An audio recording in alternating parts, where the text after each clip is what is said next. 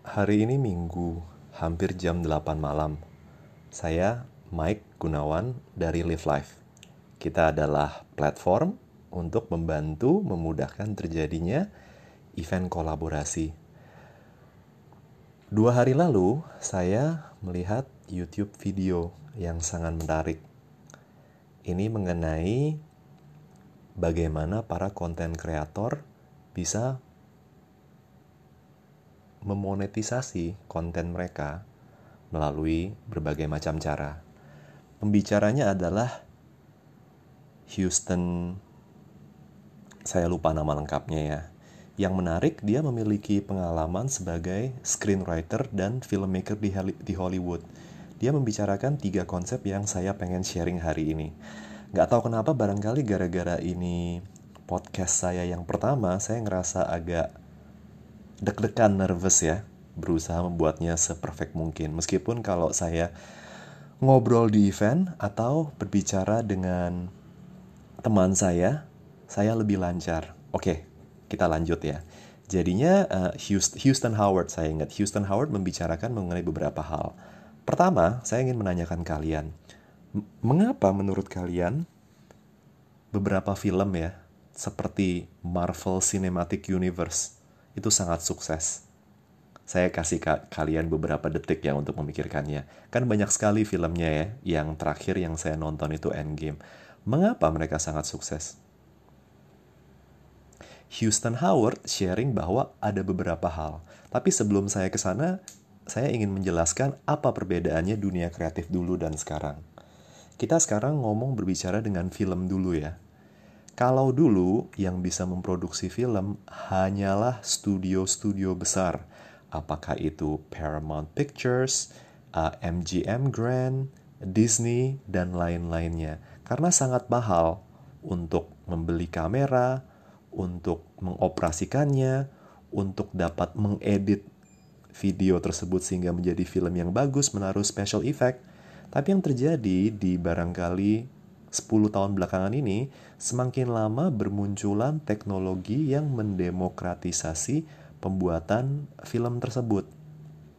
Sehingga studio-studio besar, mereka harus membuat film yang budgetnya besar. Karena itu sangat susah untuk disaingi oleh independent producer lainnya dari segi venue, dari segi special effect, dari segi aktor yang disewa ya, pria dan wanita dan lain-lainnya. Nah, ini sesuatu yang menarik. Sejak barangkali kalau dulu kita pengen membuat film kan harus pakai camcorder, tapi sekarang dengan adanya handphone kita bisa mengoperasikannya dengan berbagai macam fungsionalitas kan. Bahkan kita mempunyai platform seperti YouTube, atau platform OTT lainnya di mana konten ini bisa didistribusikan baik uh, film, baik podcast seperti yang saya lakukan sekarang melalui Anchor nanti bakal didistribusikan ke Spotify dan lain-lainnya. Uh, sehingga ini menimbulkan biaya yang sangat tinggi. Bukan cuma mereka membuat production yang besar 100 juta ke atas itu sekarang 100 juta USD ya bukan rupiah ya. Itu adalah budget yang sangat biasa. Pada waktu yang bersamaan mereka juga harus menghabiskan uang untuk mendapatkan izin karena beberapa film ini mereka harus mendapatkan izin intellectual property IP. Misalnya contohnya, saya membuat film Harry Potter, tentu saja saya harus mendapatkan izin dari penulisnya kan ya, uh, saya lupa namanya. Dan izin itu tidak murah, jadinya ada biaya IP licensing, ada biaya production, dan ada juga biaya P&A. Apa itu Mike P&A? P&A adalah kepanjangan dari print and advertising karena dulu belum ada uh, digital ya. Dan yang menarik, print dan advertising ini mereka harus menutup dua kali biayanya. Kenapa dua kali uh, biayanya? Karena mereka gandengan dengan uh, pihak kedua dan untuk setiap biaya itu hanya menghapus 50 sen dari satu dolar. Jadinya mereka harus spend dua kali lipat. Karena itu apabila saya membuat film Harry Potter, izinnya barangkali sekitar 100 juta USD. Productionnya 200 juta. Print dan advertising kadang-kadang semahal productionnya 200 juta. Setidaknya film itu harus mendapatkan 500 juta box office supaya dapat menutupnya. Nah, itu kan susah sekali kan ya. Karena itu, terutama sekarang banyak sekali film-film yang dibuat dengan uh, dana yang lebih kecil dan mereka harus bersaing. Perbedaan antara produksi film dan produk-produk lainnya, kalau produk lainnya apabila cost of goods sold, cost of goods sold itu intinya biaya yang diperlukan untuk membuat itu produk atau service ya. Kalau makanan ya pasti bahan-bahan makanannya ya, termasuk barangkali biaya chefnya, nyewa tempatnya dan lain-lain. Tetapi yang namanya film kan tetap aja ya biaya produksinya berapapun juga kalian nggak akan bayar 200 ribu, 500 ribu, atau 1 juta karena filmnya Marvel produksinya besar kan. Pasti bayarnya 70 ribu, 80 ribu, atau 90 ribu kan. Saya udah lama nggak nonton film, jadinya nggak tahu rate-nya. Anyways, itu yang membuat film produser itu sangat enggan untuk membiayai suatu film. Jadinya pertama, inti poin yang saya pengen jelaskan, Houston Howard menggarisbawahi bahwa sekarang film yang akhirnya diproduksi, konten yang berhasil adalah konten dari sumber yang sudah mempunyai crowd, yang sudah mempunyai fan, follower, community. Baik itu Harry Potter, sebuah buku ya, baik itu adalah game seperti Angry Bird kan ada filmnya bahkan ada theme parknya baik itu dari sebuah blog atau artikel contohnya saya waktu itu menonton Modern Love series ya di Amazon Amazon Prime kalau nggak salah itu dibuat menjadi film dari New York Times karena mereka mengumpulkan editorial dari orang-orang yang menceritakan kisah cinta mereka secara anonim. Ha-ha dia sharing bahwa pre-awareness sangat penting. Jadinya apabila kita pengen membuat sesuatu konten yang sangat sukses, janganlah mulai sesuatu yang besar ya, seperti event yang besar atau seperti uh, film yang besar. Studio pasti tidak mau untuk membiayainya. Dan apabila apabila kita membuat film yang besar tanpa ada follower, itu susah untuk memastikan event itu sukses. Apalagi kalau eventnya berbayar ya. Caranya bagaimana, Mike? bagaimana kita bisa membuat konten-konten yang lebih kecil. Konten yang lebih kecil itu bisa event series yang kecil-kecil, ya, yang barangkali pesertanya 20 tapi semakin lama semakin besar. Bisa dalam bentuk blog atau artikel, bisa dalam bentuk podcast yang saya lakukan ini ya, meskipun barangkali pertama masih agak canggung, tapi semoga saya semakin lama semakin nyaman ya. Bagaimana melalui platform-platform yang berbeda, kita bisa pelan-pelan mengumpulkan fans dia menceritakan satu cerita yang menarik. Jadinya ada temennya, temennya itu adalah screenwriter. Buat teman-teman yang nggak berapa ngerti Inggris, screenwriter itu intinya uh, penulis naskah buat film ya. Uh, ini beda by the way sama penulis buku. Kalau penulis buku itu kan dia barangkali menuliskannya lebih ke keadaannya, situasinya. Apabila kita menjadi penulis naskah film, kita harus menjelaskan ini syutingnya ini dari sudut pandang pihak ketiga, pihak pertama, kedua, single shot, double shot, lightingnya bagaimana sehingga cerita itu bisa ditranslasikan dalam bentuk produksi film ya atau barangkali uh, setting backgroundnya. Jadinya uh, teman Houston Howard ini dia memenangkan Nicholas Fellowship.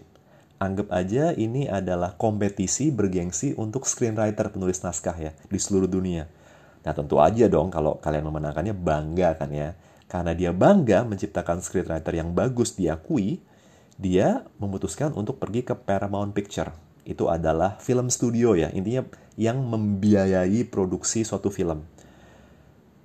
Paramount Picture eksekutifnya melihat dan dia bilang ini ceritanya menarik tapi menurut kita dari segi finansial, dari segi kreatif oke, okay, kan harus produk itu supaya sukses kita bukan cuma melihat dari segi kreatif, tapi finansialnya apa biaya produksi, print advertising, dan copywritingnya tertutup. Dia sharing bahwa resikonya terlalu tinggi. Itu sekitar tahun 2017 ya. Nah tentu aja temannya ini dia B, bukan cuma BT ya. Pasti ngerasa down lah, ngerasa nggak semangat, kecewa. Karena kan dia sudah susah-susah menulis naskah itu. Tapi karena ini bukan zaman tahun 80, uh, udah ada laptop, dia sewaktu balik kan sebelum dia balik dia diberitahu apabila kamu bisa kamu coba aja ngebuat ini naskah menjadi komik ya apabila komiknya terjual 10.000 kopi nah kita kayaknya bakalan bisa memutuskan untuk memproduksi ini film ya karena ada demandnya nah sewaktu dia balik sekarang kan ada di YouTube ya kalau menurut saya banyak orang yang tidak mengoptimalkan penggunaan YouTube. Itu dari sana kan bisa mencari material apa aja ya. Bukan cuma dari segi YouTube, dari segi podcast saya juga yakin ya. Baik dari segi talent lainnya, blog, bahkan beberapa free free courses ya. Dia berusaha memahami bagaimana sih membuat komik, proses produksinya bagaimana ya, bagaimana cara mendistribusikannya. Pada waktu yang saat yang bersamaan, dia juga mencari ada komikus siapa aja yang dia bisa kolaborasi ya daripada dia harus melakukan semuanya kan. Akhirnya dia ketemu salah satu komikus yang mencari proyek menarik yang basisnya di Eropa Timur. Ada satu kota namanya Estonia ya dia uh, tentu saja melalui internet bisa berkomunikasi. Nah, mereka memutuskan akhirnya untuk bekerja sama untuk uh, untuk mengembangkan ini project dari naskah menjadi komik. Komikusnya fokus untuk membuat komik, sedangkan dia fokus ke ceritanya agar tertuangkan dengan baik dalam komik tersebut ya. Mereka berdua memiliki intellectual property, intellectual property-nya, intinya hak ciptanya lah. Jadi nanti kalau misalnya uh, setiap kali menghasilkan mereka bakal mendapatkan honor persentase lah ya. Saya nggak tahu persentasenya. Setelah beberapa, beberapa bulan, akhirnya rampunglah edisi pertama. Edisi pertama itu, sewaktu mereka luncurkan nih, karena dia komikus, dia tahu sistem distribusinya, mulai mendapatkan masukan. Masukan-masukan ini uh, menarik, dan juga bahkan udah mulai ada orang yang bersedia untuk membeli supaya mendapatkan akses. Karena kita sekarang kan beda ya akses ekonomi ya. Tidak perlu membeli komiknya tapi hanya ingin membaca. Uang itu dikumpulkan untuk produksi komik kedua. Komik ketiga. Setelah komik ketiga tentu saja pembacanya fansnya semakin lama semakin banyak kan. Salah satu independent publisher ya um, publikasi tapi yang independen ya. Mereka melihat ada kesempatan dan memberikan offer ya memberikan apa tawaran oke okay, ini kayaknya kalian sudah membangun uh, komunitas masih kecil tapi kita ngelihat kita ngelihat potensialnya. Bagaimana kalau um, kita akan mendanai biayanya dan nanti biaya-biaya tersebut kita bisa berikan uh, dan kita nikmati hasilnya sama-sama. Dan inilah sesuatu yang uh, terjadi ya. Mereka bisa mendanai komik keempat bahkan komik kelima mereka memutuskan untuk mengumpulkan semua empat komik menjadi satu cerita. Jadi kalau Marvel itu semuanya digabung superhero-nya semuanya ketemu ya. Saat itu terjadi dia balik ke Houston Howard ya dan dia bilang sharing Houston ini saya udah hampir dapetin 10 ribu sales kayaknya saya bakal ke studio deh untuk nawarin film saya dibuat. Tapi syukurnya karena saya dipaksa untuk belajar komik atau mencari partner, saya nggak bakal stop comic book saya. Toh kembali lagi comic book saya followernya bisa saya semakin lama semakin besar jadi pemasukan sampingan dan mereka bisa saya undang untuk menonton filmnya apabila sudah sudah rampung ya, sudah terbuat. Bayangkan biasanya film uh, bayangkan biasanya penulis skrip guys ya contohnya Sylvester Stallone Rocky ya buat kalian yang muda barangkali nggak tahu Rocky Rocky itu film tinju yang historik banget Sylvester Stallone waktu itu nulisnya sewaktu dia masih miskin.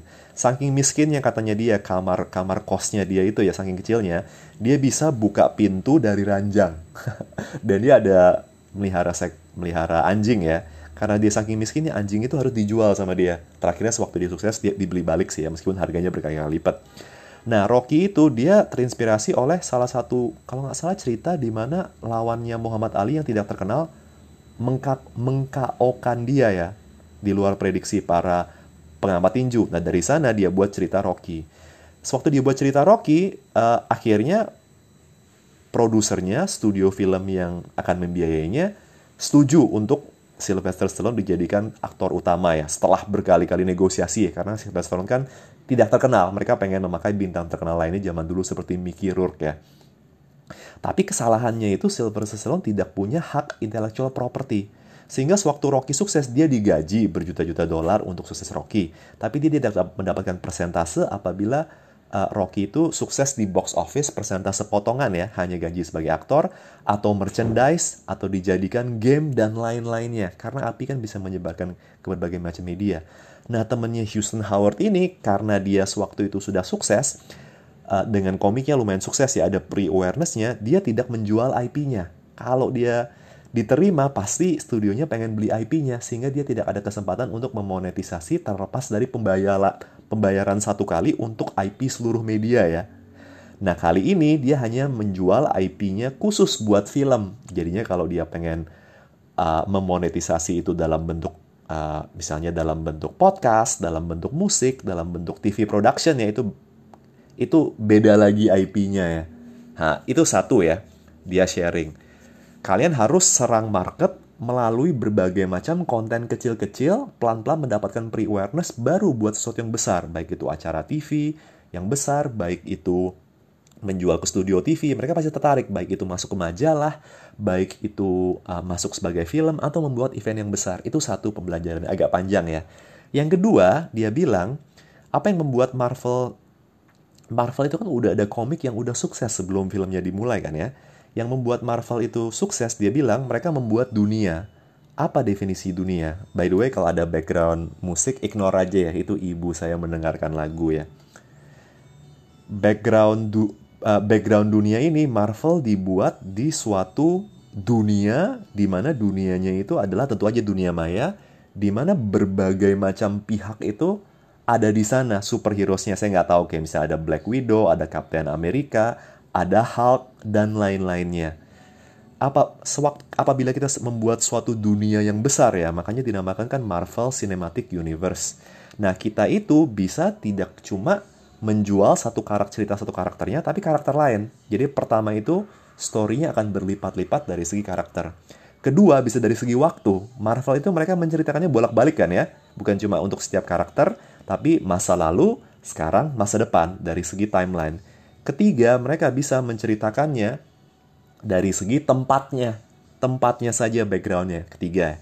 Keempat, mereka bisa menggabungkan semua karakternya. Kalau nggak salah terakhir yang saya nonton sewaktu melawan Thanos kan sehingga semua ceritanya tuh nyatu.